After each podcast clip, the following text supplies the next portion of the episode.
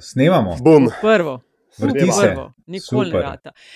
Ej, ful, jaz razumem in slišim nas, da smo totalno vznemirjeni, ker se je začela sezona, začela se je uh, uradno volilna kampanja, ampak preden zakopljamo v to, Andraš, labodi. Ej, a veš, da sem pričakoval to vprašanje? Pripravljen sem, zadnjih nekaj dni sem spet intenziviral moje pohode in točno dva dni nazaj sem šel tam mimo in sem si rekel, ma ni vrak, da me bo šefica slejko prej vprašala in sem prav ozrl se okrog sebe, labodi so. O podmladku pa še ne morem govoriti. Aha, čakaj, labodi kam pa grejo? A to jih oni umetno prenesejo za en cajt. Ne, labodi so skozi tam. A, Se mi zdi, rekel, no, ne, ne, so. sorry, sorry, sorry, po zimi jih umaknejo nekam, ja, to je res. Ja. A čak, umetno pa, kako jih pa naravno prenesejo? Mislim, v kletke jih dajo, kaj, ne preletijo ali pa ne Preletijo potacajo kot po neka cesti. križnar, recimo. Ne grejo po preletijo. Šiški, po celovški dol. Kje ti je zdaj neka križna prišla na pamet? Tako danes, leta, ker sem, se z nov obed slikal. A sem ti dal, a sem ti dal žogo na 11, Ja, na piko penal 11 si mi je metrov. Na penal. A ste se impresionirali? Mislim, Planica, kraljica. Jaz, jaz ti rečem lahko samo to, da, da sem fan in sem bil vesel, ker radio ali pa ker mehen otrok, ona pa pač pro, pa se je fino lepo nasmehnila in se slikala z mano, tako kot z vsakim drugim, ki si tega želi. Mislim, jaz ne vem, kje reči, športnica od glave do pete, kjer je pa razdalja malo manjša, kot sem si predstavljal po televiziji. Ne, drugače pa planica, mislim, sva se z oba z Andražem znašla eh, danes tam, danes, ko snemamo četrtek. To, če kdo še ni bil, mislim, to vse je res enkrat fajn uživo videti. No. Sploh pa, ker je tak lep vikend, kot je zdaj, pa ker so naši v tako hudi formi. To je res, res fajn. Posebno doživetje, sploh četrtek, 5000 otroških grl, ki kriči in nori, in, in nažalost so danes ostali brez tekme, ampak to je, pa, to je pa še en poseben element. Res. Jaz, recimo, ne bi želel biti v plenici. Vem, da ni več tako, kot je bilo včasih, ampak tiste petki sobote, tiste je malo drugačna zgodba. Četrtek, brezalkoholni dan, top. Pred nami je časna naloga. Lepo pozdravljeni vsi skupaj, po dolgem času se znova vidimo. Bolje je šarec v roki kot golob na strehi. Več afer, kot bodo sproducirali, bolj bom grizla in sekala lov. Vlada nima načrta za zapiranje. Kakršno koli sodelovanje s strankami, ki danes podpirajo škodljiva ravnanja te vlade, Da si zavračam. vi sploh želite čim prejšnjega konca te epidemije? Te razprave ne bom nadaljeval, pa ne zato, ker ne bi bil poguben, ampak zato, ker eh, nisem neumen. To je LDGD, podcast, ki nikogar ne podcenjuje in ničesar ne jemlje preveč resno. V imenu svojih najbližjih in v božjem imenu vas pozivam na lov. Danes zapravljate dragocen čas tukaj. In rečemo, da je to pač nova epizoda podcasta LDGD, to je podcast o politiki, podcast, ki nikogar ne podcenjuje in ničesar ne jemlje preveč resno, in še posebej ne politike. Smo z vami, Andraš Zorko Valikon, Antiša Korjan, Primorske novice, Aljaš Pengovitenc, Radio Chaos in Nataša Briški, Metina Lista. Takoj na začetku, lepa hvala za odzive na naše epizode in tudi za donacije in vprašanja, ki nam jih pošiljate. In kdo je zmagovalec oziroma zmagovalka prejšnje politbizarke? Spet Nataša, Zmagala! skoraj gladko. A ti je že kaj neroden. Abonirana. Ja, dve zapored sem zdaj zabeležila. Če boš tako zmagovala, bomo dali veto na tebe. Um, Odaj ne ukinjamo, ampak jih le umikajo, umikamo. Ta bizarna uh, obrazlaga je dobila 50 odstotkov, potem pa so sledili pirati in besedica, ki se jim je urinila v PR sporočilo in ostro oko aljaža, ki ga je hitro zabeležilo. Um, Antiša desna vlada regulira benzin um, 18 odstotkov in pa Rajko stoji z Rusijo, ki je bil tweet kasneje umaknen. Mislim, da si Andraš ti to omenil. ne? Je kmalo zatem ga je umaknil, res ja. je. Je odstopil od tega položaja. Tudi od, o, pi- pirati so po- popravili ne, uradno verzijo. Ja, ja, tudi je tam zginilo zelo hitro. Ampak prva vala, druga golfa ne, in podobnih stvari, mi, mi to popravkov ne priznavamo. Evo. Smo pa vplivni, Ej, ne? Smo povej, pa vplivni. Na hiter, v dveh sekundah, a ste vznemirjeni, ker se je začela? Jaz sem čist na trnih. Ja, Je dlaka po koncu, Antiša, Uh, ne sprašuje. pulne. Uh. Um, danes torej obeležujemo uraden začetek volilne kampanje. Od danes so kandidature 1,7 milijona voljivcev, okrog 20 strank, zdaj ta moment točne številke še ne vemo, ker do polnoči lahko vlagajo. Uh, torej, okoli 20 jih gre v boj, to bodo devete volitve v državni zbor in izbiralo se bo 15. slovensko vlado. Vas je, gospodje, kakšna kandidatura impresionirala, ste kaj presenečeni, kaj si obetate od kampanje? Recimo, uh, Antiša? Puh, mislim, impresionirali doslej gotovo ne. ne? Zdaj, uh, tisto, kar sem spremljal, tako kot vsi ostali, poslušalke, poslušalci in cenjeni sogovorniki, ne, um, um, doslej prav veliko impresivnega ni bilo. Uh, Uh, tisto, kar. Ne, bolj sem kar... mislil na ime, kakšno če te preseneča. Ne, to ne, ne, ne, ne. To ne, ne. Zdaj, da, bi šo, da bi jaz to prav zelo uh, pozorno prečesaval kandidat, kandidatne liste, nisem. Uh, bom, pa, bom pa to počel v, recimo, mogoče že jutri do povdne, ne, ko bo to dokončno, dokončno. Uh, na dan, na dan objave do povdne, se pravi v petek, danes, ko nas poslušate. Um, sicer pa um, je tako, ne, ti si rekla, Nataša, da je zdaj se pa začel, zdaj se pa začel. Zdaj, a se je res zdaj začel? Ker meni se zdi, da traja to že, ohoho, mislim, to traja zdaj že mesec, dva, tri, ne. Um, Uh, džamboti, hvaljenje, semafori, zemljevidi, ne vem kaj. Tako da se jaz v bistvu sprašujem, uh, kakšen smisel ima sploh uh, omejevati volilno kampanjo na 30 dni, ko pa jo vendar uh, uh, vsi izvajajo tako zelo volilno kampansko, ne, z vsemi, uh, v vseh pojavnih oblikah, v bistvu že kar nekaj tednov ali pa mesecev. Uh, si pa mislim, da se bo zdaj pa intenzivirala v naslednjih štirih tednih, to pa ja. Tako da, tako da že zdaj ni bilo dolg čas, kaj še le bo. Andraš, tvoje prve misli? Uh, jaz sem danes v velikem pričakovanju začel gledati uh, prvo parlamentarno soočenje, ki se je nažalost končalo po 15-20 sekundah, ker se je pač petka odločila, da ne bo spala pri svoji prijateljici.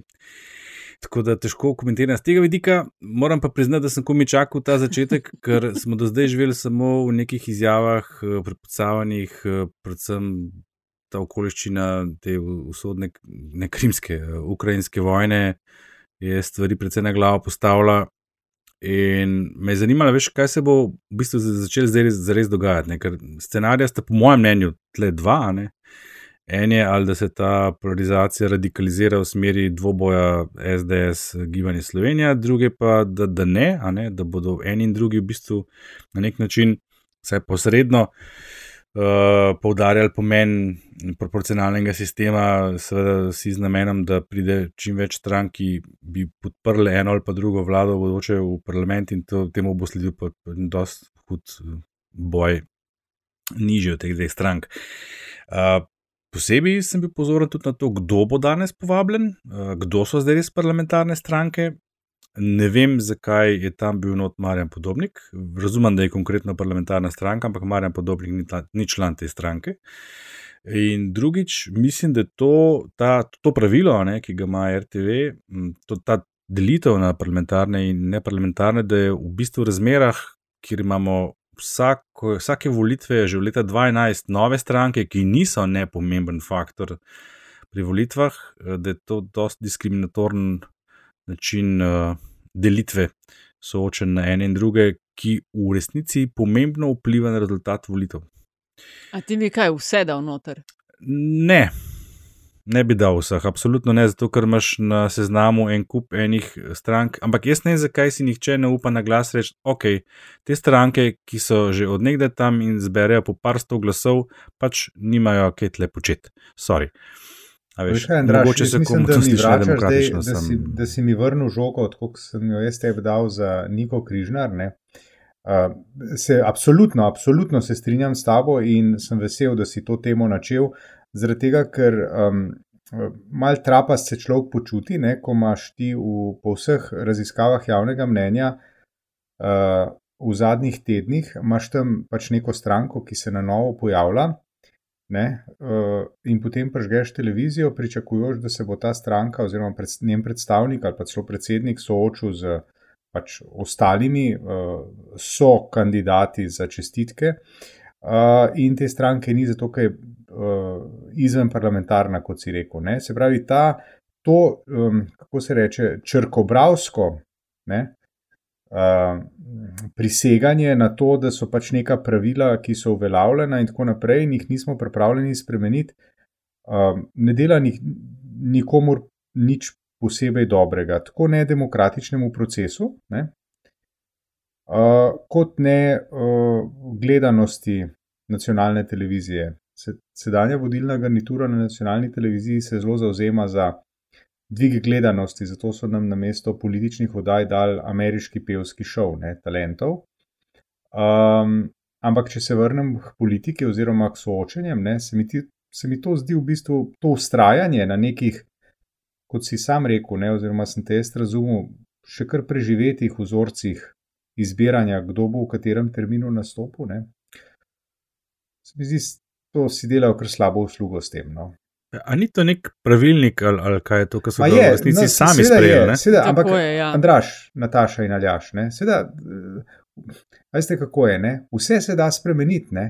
z nekaj volje, če so ga sami pripravljenosti, z nekaj, z nekaj argumentacije in z nekaj, uh, bi rekel, uh, verjetja v to, da delaš uh, nekaj, pač določene poteze, zato da si bo. Uh, da bo tvoj gledalec nekaj od tebe imel, ne? Eh, potem to lahko spremeniš. Ne? Ampak prav pretirane volje pa ni bilo. Antiša, eh, na, eni, na eni ključni točki bi te popravil, uh, če, če, če dovoliš. Um, to, kar bomo gledali uh, v soboto, ni ameriški talent šov, ampak je ameriška verzija Eurovizije. Hvala, Aljaš. No, ja, mislim. To je, to, to, je, to je zelo pomembno. No, da, Ena ključnih ja. napak v njegovem izlaganju. Tako, ja, se, se, upravičuje, se upravičujem vsem in uh, uh, full disclosure, ne, nikoli ne gledam ne talentov na slovenskih televizijah, še manj pa Eurovizije, niti EME. No, ti, ti moja, veš, ignoranca, moja ignoranca tukaj se je uh, manifestirala v največji možni meri. Zdaj bom jaz eno tako globoko levičarsko izrekel. Ne. Najprej so nam američani zjebali Evropo, zdaj nam bojo pa še Eurovizijo. No, ampak mečken manj pomembno, pa mogoče ravno tako zanimivo ne, za, na, naše, za naš cenjeni publikum, kar se pravil nastopov na strank na nacionalki tiče, če se prav spomnim, je to kar lepo zapisano v zakon. Ne? To ni pač ni nek pravilnik, ki bi ga z RTV po mili volji spremenila. Skratka, gre, neki, ja, tudi če je statut, je statut napisan na podlagi zakona. Ampak, ali jaš tudi zakone so, se da spremenjati? Ja, ja, se zdaj, ampak hočem ti reči, to, to so pravila, ki si jih je politika napisala. Veš, in, in, in to je tako, če ljudje, ki so plačani za to, da ničesar ne spremenijo, seveda ne moreš od njih pričakovati, da bodo, da bodo nekaj spremenili. A, je pa jasno, da so ravno, in se strinjam, da je drugač zvajno pasko, ampak ravno v tej kampanji, ne, in ja, Nataša, stvari stojijo po konci, samo to niso dlake, ampak lasje, vsaj po, po sodeč po današnjem soočanju, oziroma včerajšnjem za tiste, ki to poslušajo v petek. Skratka, stranke so našle life hack, kot se temu reče v lepi slovenščini. In tako, da pač ti kooptiraš enega poslanca. Zakaj je danes bil podobnik tam? Ja, zato, ker je konkretno uh, uh, uradno parlamentarna stvar. Ja, ampak kaj ima podobnik konkretno? Ja, skupaj imajo listo, ne veš drugega. Ampak vsi se strinjam s tabo. Sam hočem reči, da so pač našli life hack. Ne? In da je trenutna kandidatura na nacionalki je rekla, um, da se ne bodo, da temu ne, bo, ne bodo oporekali. In isto bi uh, lahko veljal za Goloba, isto bi lahko veljal za Žoržiča, če bi našel uh, dovolj podpisov, ne? itd. itd. Po tej logiki bi morala biti tudi naša država danes v, v soočanju in gibanje Svoboda. Se strinjamo, mogoče, vsak eno poslanko. Veš, kaj, mogoče pa mora Aljaš narediti eno debato spet na to temo, ker to smo že pred leti debatirali o tem. To je zakon, kolegi na RTV-ju in kolegice imajo ne samo zvezane roke, ampak iber zvezane roke in jim totalno nič ne zavidajo, kaj in kako morajo delati. V tej postavi nadzornega sveta, programskega sveta, da bi se prilagodili, ker hočemo gledati uh, gibanje svobode. Zdaj pa sam še nekaj, ker je pa to vprašanje kampanje kot take in to je spet anti Aleš pravilno rekel, ne, traja že ohoho časa. Zakaj, zakaj je današnji dan poseben? Ne pač od danes naprej šteje um, tudi v smislu nadzora. Ne. Zato, če že hočemo kaj spremeniti, bi bilo mogoče uh, pametno upaliti ameriški princip. Ne. V hipu, ko ti rečeš, od danes naprej razglašam kampanjo, ti kot stranka, si podvržen, podvržen nadzoru. V hipu ali po hipu, ko se začneš obnašati kot kampanja, si podvržen nadzoru. Eh, ne samo zadnjih 30 dni, ne, ker zdaj treba imeti odprt račun, pa vložiti listo, pa vse te uh, um, birokratske stvari treba narediti. Do zdaj so pa prijatelji plačevali račune, pa iz kdo ve, kjerih fondov so se džamboti plačevali in tako dalje. In tako dalje. Jaz bi nas še, še malenkost bi nas vrnila na začetek, ne, da ne zgubljamo preveč v tej strukturi um, soočen, zato ker pač na nacionalki je kakršno je in ne bo jutri drugače, bo pa drugače na pop TV-ju. Um, Se pravi, niste zaenkrat pač ok, začela se je kampanja, ampak kaj vse pričakujemo? Zdaj, ankete vse skupaj prikazujejo kot spopad z dveh. Jaz z terena, recimo, poslušam že, kako bo glas za koga drugega, eh, glas vržen stran. A res moramo gledati zdaj sam ta spopad, ne vem, Janša Golop, ker se mi zdi, da ima pa tudi prvak NSA Tunin kar prav, ko reče, da se bosta oba dva, kdorkoli že bo, če bo uh, dobil največ, uh, mogla s kom drugim še meniti, da bosta sestavljala. Vsaj s tremi, verjetno.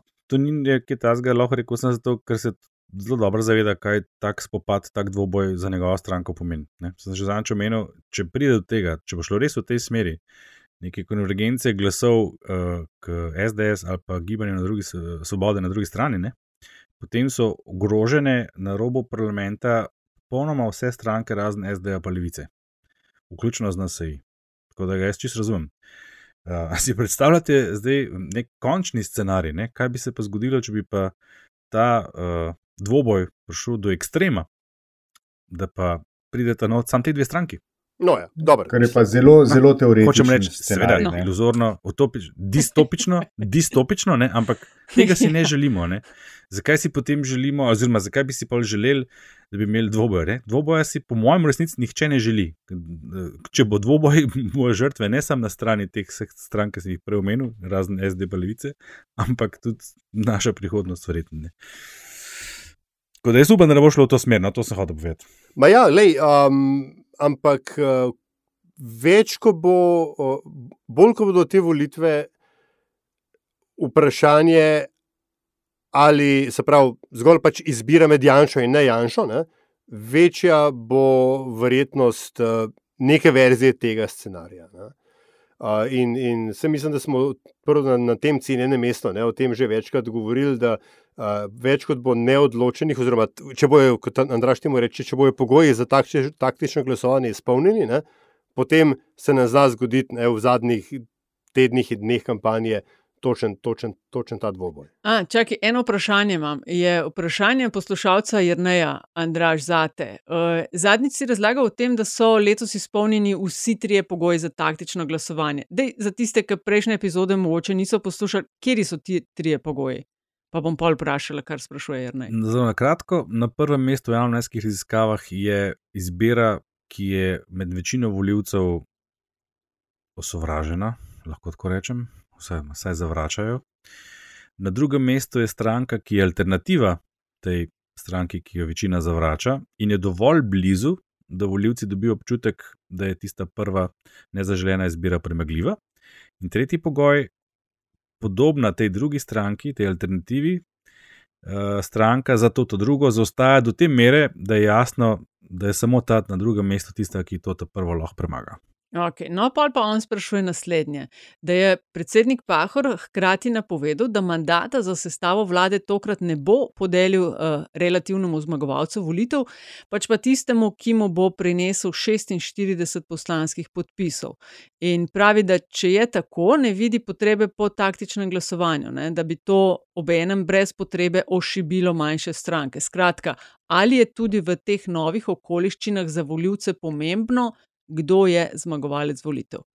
Zdaj, tle imamo na eni strani izjavo predsednika Pahorja, ki je vsega upoštevanja vreden udeleženec v političnem procesu v zadnjih štirih letih, in hkrati zelo racionalen razmislek poslušalca, ne eno, ne drugo, v bistvu nima prav veliko veze, nažalost, s tem, kar se dogaja v volilnem telesu. Veš, taktično glasovanje se zgodi, če so pogoji izpolnjeni. Ni rečeno, da se bo zgodilo, to sem že zadnjič enkrat poudaril. Ker ena razlika mehna pa je v primerjavi z 2008 in 2012, da vsaj kot kažejo ankete, ni na medije medijane, da tu ni tistega zaostanka tega drugega ne, za prvim, ampak je zelo izenačeno. In to je ena velika razlika. Ampak to, kar pravi poslušalec, bi zahtevalo od večine voljivcev izjemno racionalen razmislek. To je pa približno mm -hmm. tako realna zadeva, kot je, kako se že reče temu, racionalni potrošnik. Ja. Hmm. Anti... Sam A ja, izvoli. pridodal bi, ne. Vlada in koalicija se bosta oblikovala v parlamentu. Ne v Pahorjevi pisarni, ne v premijejevi pisarni. No, mogoče, če bojo tam, če se kdo pogajal. Ne. Ampak a, tako da to, da Pahor pove, komu bo dal, pa ne bo dal mandat, ne, čisto vse en. V končni fazi bo vlado sestavil tisti, ki bo imel 46 ali več glasov.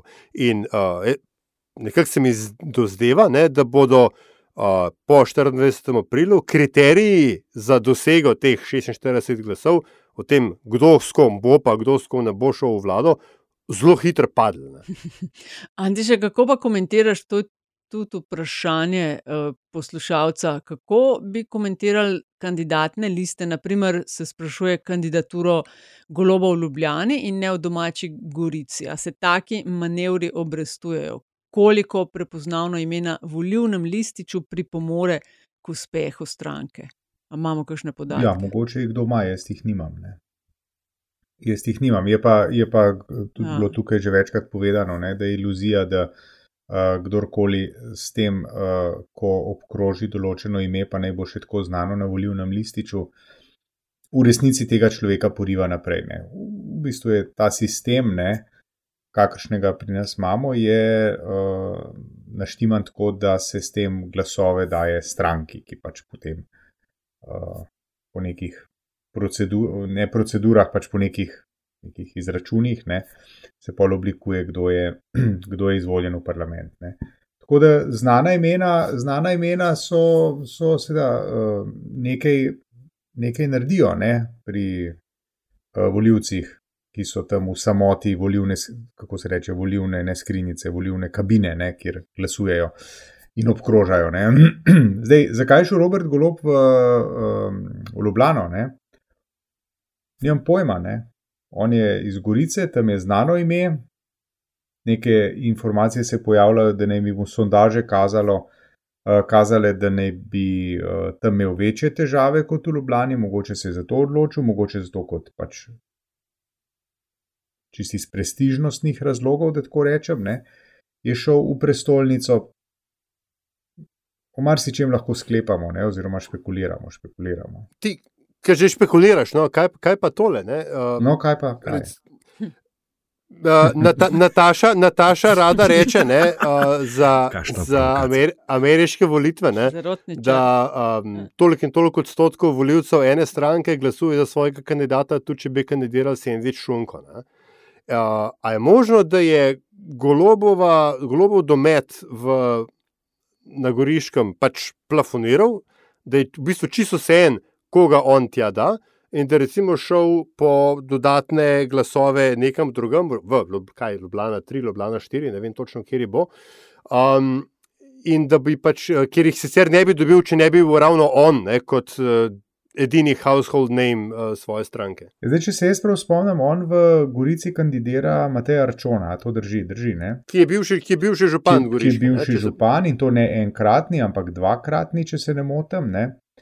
Uh, se pravi, zelo znano ime, ki tudi, uh, v, mm, tudi tokrat se je poslovil tako po hudem boju, se mi zdi, z Miklavičem, ne? uh, z županskega položaja, se pravi, se je, je bil zelo blizu temu, da je tudi, tudi tretji izvoljen. Ne? Tako da zelo možno je to, Aljaš, kar praviš, da so preprosto presodili, da, um, uh, da prav veliko več od uh, Arčona ne more vzeti, ne? zato se je pač uh, podal nekam drugam. Zelo možno je to, ja. Se, to je logičen odgovor. Mislim, a veš, Arčon ne more kandidirati v Ja, Ljubljani, sej, Golob lahko. ne. oba, ja, seveda, ne, oba lahko v Gorici, en od njiju pa lahko v Ljubljani, ta drug pa ne more. ne. Tako. Mislim, no, ta kombiniranja za glasovanje, kje kdo bo, to je kar zelo pestro. Recimo v Kočevju smo imeli tudi že Vilfana, pa tudi imamo, joj, koga že imamo zdaj. A ne vem, če ne bo. Ne, bom Simonovič, pa ne mislim, ne vem, če on. Ampak skratka, to ni glih povezano s tem, kje imaš uh, stalno bivališče in tako ne. dalje. Ne. Ne, ne, gre- pač za to, koliko ima recimo kakšna stranka o, zvesto volilno telo v tisti enoti ali v kraju. Ne? Tako, pa kje računajo na več, pa koga, in to je tudi prednostni seznam. Sicer imajo, a veš, koliko je ta model zadrgal, kaj koliko se temu že reče, da je kandidirano približno, mislim, da mora biti najmanj 35 odstotkov ali koliko uh, predstavnikov nasprotnega spola ali pa drugega spola. Ne. A veš, ni nujno, da na ta najboljša mesta pol tudi eh, razdeljujejo potem. Uh, A, tukaj, če, če dovoliš, majhna, majhna statistika, Prosim, prosim. dolgoletna pritožba slovenskih a, političark oziroma ne, um, nasplošno opozovalcev je, da stranke veliko krat sicer kvoto izpolnijo, ne, to zadrgo in 35 odstotkov, ampak na način, da dajo ženske potem v manj izvoljive okraje. Ne. Tako. Tako, v, za kanon futer, z drugimi besedami. Um, jaz bi pa eno vas še nekaj vprašala. Zdaj, ta teden sem si kar vzela čas in spremljala različna soočanja. Kakšen je vaš um, stališče do nastopanja, kam jed ali pa ne jed? Ne? Imamo eno televizijo, ki že nekaj Planet TV, ki že nekaj časa eh, dela razna soočenja in hkrati ne skriva nič, da mm, kombinirajo z novo 24 ur. Skratka, zelo pač vladna SDS linija. In imamo že ene kandidate, ki zavračajo, kam bodo šli uh, in kam ne bodo šli. Ka- Kakšen, kakšno imate misel okrog tega? Ali je treba na vse jeti, ne glede na to, kam greš? Um, Ja, jaz vem, bi rekel, bi uh? Nataša, um, načeloma da, ampak. Ne, tako bom rekel. Načeloma je treba iti, Ok. uh, načeloma je treba iti povsod, ampak vedno je ampak. Ne? Uh, a, ampak okay, je pa, ja, ne, ne, ampak je pa, a veš, mislim, um, kako je rekel, vesel je rekel, ne, tovarna zlobe. Ne? Veš, mislim, če te nekdo na izmišljenih točkah nabija in to neusmiljeno, se zmišljuje, diskred, diskreditira, ne na podlagi dejstev, ampak na podlagi ne vem že česa. Ne? Ol, jaz mislim, da je čisto legitimno vsaj razmislek o tem, a tja res id. Ne? In, in uh, Mm. moram reči, no, da jaz, kot človek iz medijev, novinar, urednik, ne, um, tokrat pa ne obsojam. Ne? ne obsojam tistih, ki se za to ne odločijo. Čeprav si mislim, da gre to unim urednikom tam na živce, ali pa tudi ne. ne? Mogoče, jim pa to še, mogoče jim pa to še paše. Ne? A veste, zato ker to so, to niso, marsikdo na teh, v teh nekih medijih, v narekovajih medijih, ne, on je prestopil tisto, marsikdo je prestopil tisto linijo med uh, novinarjem in družbeno-političnim delavcem. In marsikdo je tam družbeno-politični delavc, tudi v velikih medijih. Mm, Andraš, kakšno misel imaš ti? Včeraj tega? sem gledal prej omenjeni planet. Ne, Tle ne samo, da so neke sramežljive, so zelo nesramežljive povezave. Uh, ob zaključku soočenja so čist mirne duše povedali, da pa sledi zdaj komentiranje treh strokovnih komentatorjev političnih v njihovem studiu, pa tudi povzetek te oddaje na Novi 24, kjer so predvajali odlomke iz planeta, pa ne samo to, a ne, v tistih komentarjih, kasneje voditeljica Valerija, popravite me, če se motim. Valentina. Je ime? Ja. Tako. A je Valentina, Ja. veš, to se, hvala, Antiša, Valentina. Uh, mirno omenila ne, na začetku, ne na koncu, na začetku tega soočenja, da je bil povabljen tudi predstavnik eh, Gibanja Svoboda, g- Robert Golob, ki pa je že šestič zapored ali koliko kateri že zavrnil povabilo in potem čist hladnokrvno dodala, prihodnič mu bomo poslali vprašanja vnaprej. Ne? To je nekaj, kar desnica že vse čas, oziroma ne desnica, SDS, vse čas učita eh, predstavnikom levo-sredinskih strank, češ da dobivajo vprašanja vnaprej pripravljena in so zato lažje pripravljeni iz RTV, seveda odkud pa drugot. In da zaradi tega pač so uh, oni v podrejenem položaju. Mislim, a veš, tle je pol čist jasna uh, uh, ne, ne, ne, jasna, tle ni jasna ločnica, ne, kaj, je, kaj je medij, kaj je režimski medij, kaj je pa trubilo. Planet ni več niti režimski medij. To, to je s tem stavkom Valentine, to postane trubilo, ker prenese očitek z Twitterja direkt v eter in ga predstavi kot uh, nek novinarski Reči, komentar. Ja. In to, kar je Antiša prej rekel, z tega vidika gledano, zakaj bi se izpostavljal takemu v narekovajih novinarskemu pristopu na eni strani, na drugi strani, če pa presodiš z vidika rejtingov, pogledaš rejtinge, vidiš, da so nikakvi, mislim, lej, škoda. Pričemer, a lahko jaz, a lahko mm. vzamem si samo 45 sekund za mali uh, novinarski praktikum ali medijski praktikum ne? in sicer na temo tega pošiljanja vprašanj naprej. Uh, jaz sem dosti dolg v tem poslu, da vem, da vsi hočejo imeti uh, ne vprašanja, ampak teme vnaprej. Se pravi, ko se ti napoveš k nekomu mm -hmm. na mhm. intervju, te iz njegovega kabineta, pisarne, PR službe, kot kadarkoli že, prosijo, ali lahko vsaj nabor tem, o katerih bi se vidva pogovarjala. Zakaj? Zato, da se sogovornik lahko na. Uh, mogoče na kakšne bolj specifične odgovore, ki zahtevajo številke, ali pa kakšen pogled v zgodovino, ali pa kakšen uh, potek dogodkov, ali pač karkoli že, ne, da se mečkam pripravi. Ne. Zdaj, uh, jaz mislim, da jaz ob vseh intervjujih, ki sem jih naredil še v življenju, nisem poslal vnaprej vprašanj, tako kot so potekala, sem pa ne enkrat poslal teme, o katerih sem se želel pogovarjati. Ne?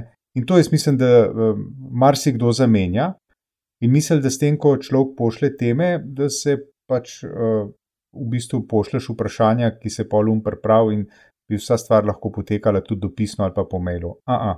Gre samo za to, ne, da če greš tikne k zunanjemu ministru, je fajn, da, oziroma je razumljivo, da si on želi, da se z njim pogovarja o odnosih z Ameriko ali odnosih z Afriko, ali mogoče o priznanju Palestine ali o Ukrajini ali o čemkoli. In ja, seveda, ne, zunanji minister mora biti vedno pripravljen odgovoriti na katero koli vprašanje. In še noben politik ni sred intervjuja, razen Toneta Andrliča, enkrat na odmevih pred 25 leti, vstop pa šel ven. Jaz tega ne poznam, da bi nekdo vstop in šel ven, ker je bil zgrožen nad tem, kakšno vprašanje mu novinari uh, zastavljajo. Ne? Kakšno vprašanje pa novinari zastavljajo politikom, pa pač vsak dan in vsak teden lahko spremljamo v medijih. Uh, jaz bi sam spomnil na odhod eh, aktualnega predsednika. Tako je z Radia Slovenija. Hvala, Andraš. Iz studija Radia Slovenije, mm, ne dolgo nazaj, mislim, na ja. zadnjih volitvah.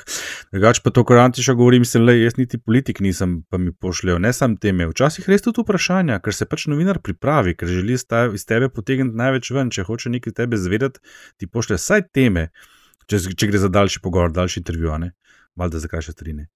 Tu s tem ni nič narobe, dokler so vprašanja potem prilagojena tudi toku pogovora, če pa govorimo o soočenih, pa seveda tudi odgovorom in tako naprej. Ampak se ni bil point tem, veš, kaj sem hotel prej izpostaviti.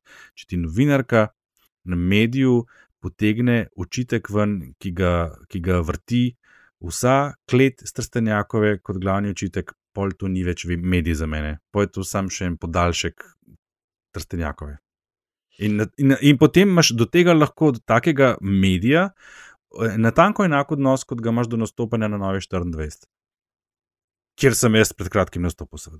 Sej za, za to gre, ne v končni fazi. A, a veš, če ti, več, če ti um, pričakuješ, da boš šel v neko, vsaj na prvo žogo, pošteno debato, ne? je neki. Pač greš tudi, če recimo kot en kvot greš na sovražnega terena. Če greš pa ti v uh, enopartijski circle jerk svečo držati, ne? potem pa vprost čist vsadzga, razumem, tudi če bi bile seveda zgodbe obrnjene, ne? razumem, da, da preskočiš takšno soočenje na, kot sta pravilno ugotovili, na televiziji z nikakvo gledanostjo. Veš, večjo, večjo vprašanje arogance politične je premije, ki preskoči soočenje na državni televiziji. Ne? Se, se vem, da so neki izgovori, pa ne nekaj. Ampak če je to nič, lahko prišel, uh, še potem, ko je oddaja že začela in je pač pritekel v studio, ne, bi lahko tudi Janša. On je itek znan po tem, da naredi grandiozne pozne vhode. Ne. Tako da. Tako. Ta prihod Tonina je bil najbolj ljub, ljubek moment tistih 20 sekund začetka soočanja, ki sem jih uspel pogledati takoj za pomežikom zmagajo Linčiča. Ja, ja. Veš kaj, jaz sem tudi sama, sem velikrat na drugi strani, ko sprašujejo, ne, in to, mislim, pošiljanje vprašanj. Pošiljanje tem, o čem se bomo menili, je higijenski minimum. Tisti, ki vam tega ne pošle, pa reče, da se to tako dela, mm -hmm. laže. Tako se ne dela. Profesionalno je. Ali pa se mu ne da. Profesionalno je sogovorniku in sogovornici povedati, kaj pričakuješ, o čem se boš pogovarjal. Točno tako, kot je Antiš rekel, da se pripraviš. Če, nas, če, če vas razumemo, vse tri, uh, nekako ne vidite nič. Um, tako zelo slabega, če ne gredo v to, kar pač predstavlja ta neka strankarska glasila, ki se prodajajo kot. V normalnem medij. političnem okolju, ali pa če hočete, politično-medijskem okolju, bi bilo to čudaštvo. Ne? Ampak nehimo se slepiti, da je slovensko politično-medijsko okolje normalno. Tako. Da jaz mislim, da pač v skladu s tem ravnajo potem ja, pač se... politiki. In seveda ne. Seveda. Se pridružujem, no, ker sem opazila, da so v teh dilemah in se pridružujem, zato ker eno so mediji, eno so strankarska glasila, plus tam res nič uravnoteženega ni. Uredniki, voditelji so odkrito simpatizeri ene stranke in cvetober komentatorjev, ki jih plačuje.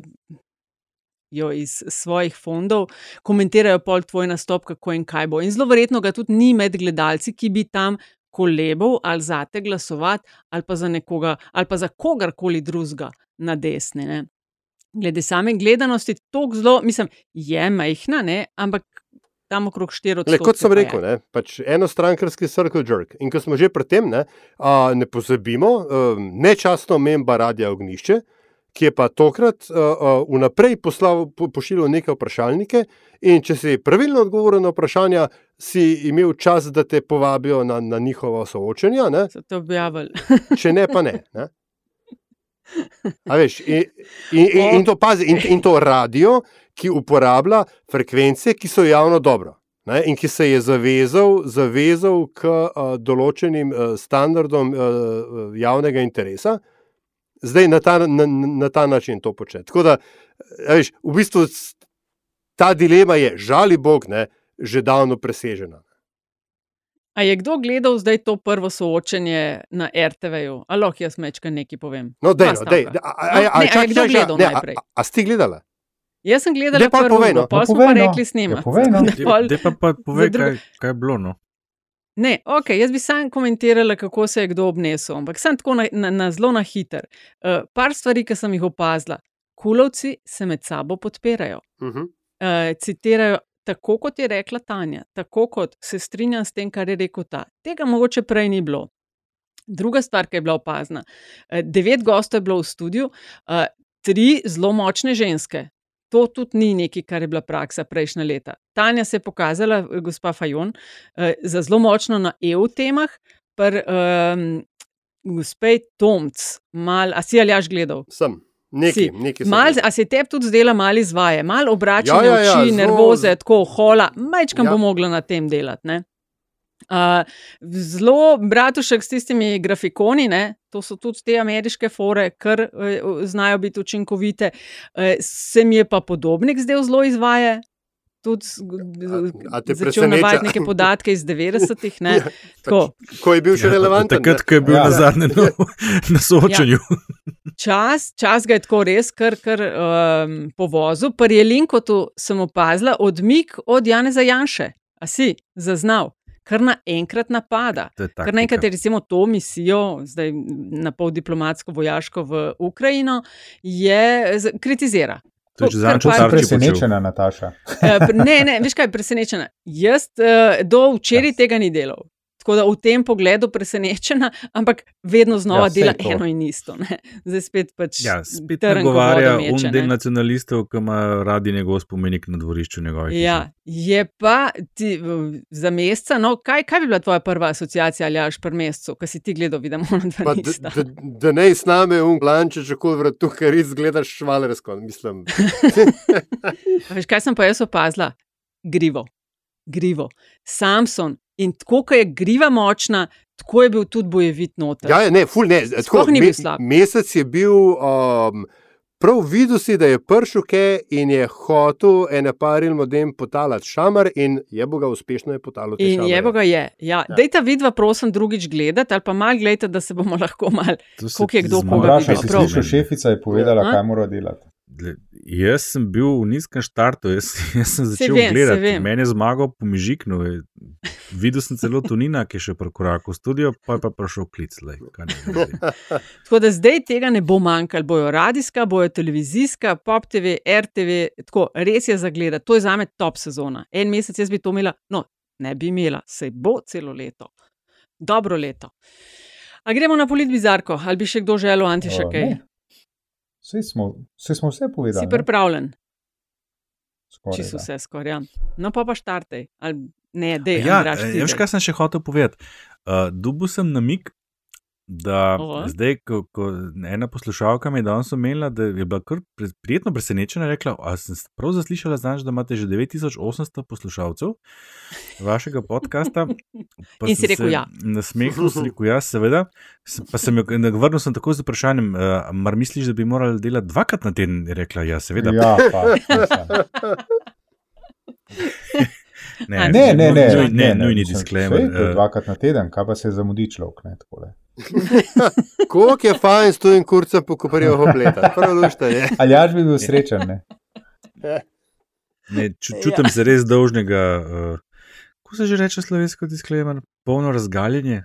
Razkritje. Razkritje, hvala lepa. Jaz sem bil pa že skoraj na Britem, ne na Britem. Zdaj razkri. Hotel sem razkri svojo polit bizarko. Prejšnji, prejšnji, ne, prej, ne, ma tist prejšnjih 9800 je bila uh, v bistvu podmukla šala, ki sem jo hotel podvaliti mojim kolegicam, kolegom v tem podkastu, ker sem namreč to sanjal. To sem sanjal in sem pričakoval, da bo kdo kaj rekel, ampak so bili začudeni, vsi tiho. Zigorili. Ja, je to pač kot izraz svojega smisla za humor. Čeprav nisi deleč od resnice, a veš, to je pa tudi ja, res. Da je razkrino že polit bizarka. Ja, eh, moja polit bizarka je sočna, zelo zanimiva. Eh, jo pa za razliko od mene zna nekdo res dobro besediti in to je antiša, antiša, prosim. Adep. Andražu se zdi strašansko, strašansko bizarno, uh, ko je v soočenju na spletni, uh, spletnem mestu N1 danes v četrtek popovdne. Uh, med, uh, soočenje je bilo med Markom Milosavljevičem in uh, Urošem Urbanijo. Uh, slednji je uh, primerjal Igorja Pirkoviča s Francetom Preširnom. Namreč rekel je, pa sej Franceta Preširna zdravljico tudi pojejo na vseh strankarskih shodih, pa za Preširna nihče ne trdi, da je strankarski človek. In Andražo je padla spodnja čeljust na tla od začudenja, kaj je slišal. A sem prav povedal, Andraš? In od tam se še ni pobrala, zato si mogel ti to povedati, ker bi jaz ja. bolj težko to povedal. Ja, hvala, Andraš, za tole polit bizarko. Izvoli, Aljaš. Aha, ja, uh, ja, ker smo že pri čeljustih ne, in uh, deliveryju, znati povedati. Tudi stališče poslanske skupine je treba znati povedati, kot je zadnjič demonstriral uh, poslanec SDS Marjan Pojbič ki je za uh, en zelo enostaven v poslanski skupini SDS uh, predloga zakona ne podpiramo ali podpiramo, se ne vem. Skratka, porabo je pet minut za to, da, je, da je gotovo, uh, o čem govori, kaj govori, a podpirajo, a ne podpirajo, a mu lahko to prosim pomaga, ker on ta hip ne ve, ali smo ali za ali nismo, in potem se vendarle nekako prebil do točke, ko je pač izdavil, kakšno je stališče poslanske skupine. Stvar je na Twitterih, eh, Štefica bo, po mojem, eh, zagotovila link, um, zabava je zagotovljena. Ja, predlaga rešitev. Vedno so tudi, mislim, kadar le so in večinoma so, no, so na spletni strani, če boste malo scrollali dol, so povezave na tisto, kar so rekli ali pa na kar se nanaša polit bizarka. Um, Antiša bi te prešparala za konc, če lahko. Lahko. Ok. No, moje polit bizarka, jaz grem pa odločno naprej, oziroma ok, odločno nazaj, spet za NSI. Deklina zgodba, drugi del. Ne? Če so v prvem napovedali voucherje, kako biti um, učenje, dobra mati in žena, grejo. Tokrat po tej poti dalje. Uraden začetek kampanje so najavili uh, volivni bus, turo po Sloveniji, odločno naprej z busom in gor nalepljenih pet moških. Zdaj, leta 2022 smo, tako moderno kampanjo delajo, lepo zgledajo na spletu, pustimo zdaj, koliko se kdo strinja z njimi, pa ne, ampak tako proper. In pol dajo na, na, na avtobus pet moških. Tudi za vzorček ne najdejo očitno ene ženske v svojih vrstah, s katero bi želeli iti naprej. Tako meni se to zdi res bizarno leta 2020, 2022, tako da ti jim rečeš, ali jaš Backstreet Boysi. Uh, oni so zdaj spet moji kandidati, tako le. NSI so mi prinesli zmago že v 84.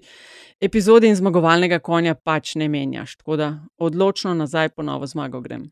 Skratka, Nataša išče se slovenska Rosa Parks. ja. Izvolite. Se bo peljala na avtobusu. Ja, um, ja, jaz bom pa nominiral pravzaprav interpretacije zgodbe, ki je v javnost prišla v četrtek. Uh, namreč uh, Aleksandro Pivec so spet dobili s prsti v marmeladi, našli so jim neko stanovanje, za katero se ne ve čist dobro, kdo ga je kupil, ampak to je manj pomembno. Mislim, to je seveda, če se bo izkazalo, da je vse to, kar piše po medijih, res, potem je to spet ponovno neko sranje, ne, v katerega se je gospa zapletla. Ampak, Ko sem pa videl, da za lokacijo, kjer to stanovanje stoji, se pojavlja interpretacija, da je to prestižna, prestižna zgradba na eni bolj iskanih ljubljanskih lokacij, no, tokrat je pa meni padla čeljustna tla. Namreč, ne. Kdor se je kdaj pelil tam mimo, in jaz se včasih sem, ve, da ta stavba stoji ob štiri pasovnici, ki se reče Šmartinska. Na drugi strani Šmartinske so javna skladišča, ki se jim ponovem reče BTC, se pravi, je naval tam vsako popoldne in vsak vikend neizmeren. Ne? Za povrh je pa v pritličju stanovanja, te stanovanske zgradbe McDonald's. Toliko o prestižu. Skratka, ni vsaka nova bajta, ki se jo zgradi, prestižna in lokacija, na kateri ta bajta stoji, prav tako prestižna. Aha, ni. Ni. To je, navaden, uh, to je navadna stavba, ki stoji na robu enega od ljubljanskih spalnih naselij, kakršnih je veliko, reče se mu Nove Jarše in je primerljivo s Štepanskim naseljem, Dravljami, um, Fužinami in tako naprej. Skratka, od prestiža tukaj ni P. Razen, seveda, če si prišel s tuja, pa se ne znajdeš v mestu najboljš. To je pa drugo vprašanje. No, von po postanem olju. To, to, ja, to, je, to je cela zmaga. Ja. Ej, Antiša, sam delivery imaš pa ti tak, da bi lahko ti še pojbiču ja. pomagal stališče poslanske skupine razlagati. Moraš pogledati video posnetek, zabaven. In smo pri zadnjih 30, um, ali ja, še izvoli? No, prav, uh, pa bom. No. Če ste že začeli um, današnjo epizodo s planico, uh, bom pa tudi jaz um, hotel imeti planico, ker sem hotel imeti nekaj drugega, ampak uh, kaj še, kvizle, o kvizlah bomo gotovo še govorili tudi v, v, tej, v tem podkastu. Skratka, planica. Uh, jaz sem bil ne, ob ne, en tak četrtek pred uh, velikim finalom tam. Uh, res je bilo dobro, tako da, Nataša, ti si rekla, če niste, potem pejte, kdaj. Uh, sem si pa tisti četrtek zapomnil, uh, med drugim, tudi potem, da sem avtograme zbiral. In imam nekje v neki moji otroško-najstniški pisalni mizi še vedno en tak blok, kot so Zotke, Zveza organizacije za tehnično kulturo, kamor so se mi podpisovali um, velikani, kot so Andy Goldberger, pa um, kdo, ne, kdo je še takrat se skakal. Mati, nikje na najbolj. Ne, ne, ne, to je bilo pa. Ne, Jens Weisslop. Takrat ja. še nisem bil tako star, da bi lahko za, za avtograme izbiral. Ampak Andy Goldberger, njegov podpis imam, mislim, da od Francija petka, pa še ene, ene par takih, um, ki so takrat krojili. Očitno ne omembe vrednih. Ja, tako vrhove lestvice. Jana Boklova se spomnim, se ne vem, ali je takrat čez kako ali ne. No. Evo. No, in bom, ko si že omenil Jana Bokleva, bom nadaljeval. Kdo je Jan Boklev? Jan Boklev je, mislim, da je bil kanadski skakalec, ki je inoviral slog skakanja na smočkah in je prvi skočil na ve, ne, kar danes počnejo vsi. Zaradi tega sloga je dobival celo uh, slabše točke, zato ker to je bilo takrat grdo in je bilo vem, prepovedano, in tako naprej. Ne. Ampak danes vsi skačajo tako. Pred 30 leti se je skakalo kot vemo, z usporednimi, usporednimi smočkami. Ne? Danes skačejo na ve. Evo. Small piece of trivia za zadnjih 30. Hvala lepa, izvoli, Andraš. Jaz bi na zadnjih 30 čisto razpadel danes. Jaz bi rad sam dodal, da uh, Jan Beklov je bil šved. A šved je bil? Ja, ja. Ok, se upravičujem. se zgodi. A sem že jaz na vrsti ali kaj? Ja, dej ne. Lahko pa jaz, če nočeš, če bi še malo razmišljal. Dej, imam, še, imam še nekaj za dodati Ok. okay. k misli, da prosim ti. Ok, velja. No, mojih eh, zadnjih 30 pa v branje predlagam knjigo, družinski roman Maršalinja, avtorice Zore Del Bono, ki je izšel pri Beletrini. Gre za fascinantno zgodbo o slovenki Zori Ostan. Po prvi svetovni vojni je spoznala svojega moža, ki je bil italijan, oba zagrizena komunista, se preselil v Italijo, kjer se borita proti fašističnemu režimu Mussolinija, totalno občudujeta Tita, kater, s katerim v bistvu po drugi svetovni vojni tudi sodelujeta. Oba tako v knjigi lepo opisuje ideološko precej uh, zaslepljena. Avtorica Maršalinje Zora Del Bono je vnukinja te Zore Ostan, po njej je tudi dobila ime in to dramo, ki je bila 20. stoletje, zelo dobro eh, opisuje. Še nisem na koncu, sem začela z branjem in je imenitna. Jaz bi pa spričo današnjega uradnega začetka uradne volilne kampanje rad spet delil en apel in sicer mislim, tako občutek imam, pa ne bi bil rad preveč dramatičen, ne mara celo melodramatičen. Mislim, da bi te volitve utegnile biti pomembne za usodo in prihodnost te države skoraj toliko, kot je bil veliki pok za vesolje. to je ta misel, ki si jo razvil. Mogoče sem balon napihnjen. Odličen zaključek, Andraš, hvala lepa. Eh, In to je bila še ena epizoda LDGD, številka nič 86. Se vidimo splet, spet slišimo naslednji teden. Hvala za vprašanja, hvala res za vse komentarje, ki nam jih dajete na epizodo, in za deljenje in ocene, ki nam jih namenjate, in tudi za investicije, uh, za vsebine, ki jih ustvarjamo na Metini listi. Hvala lepa.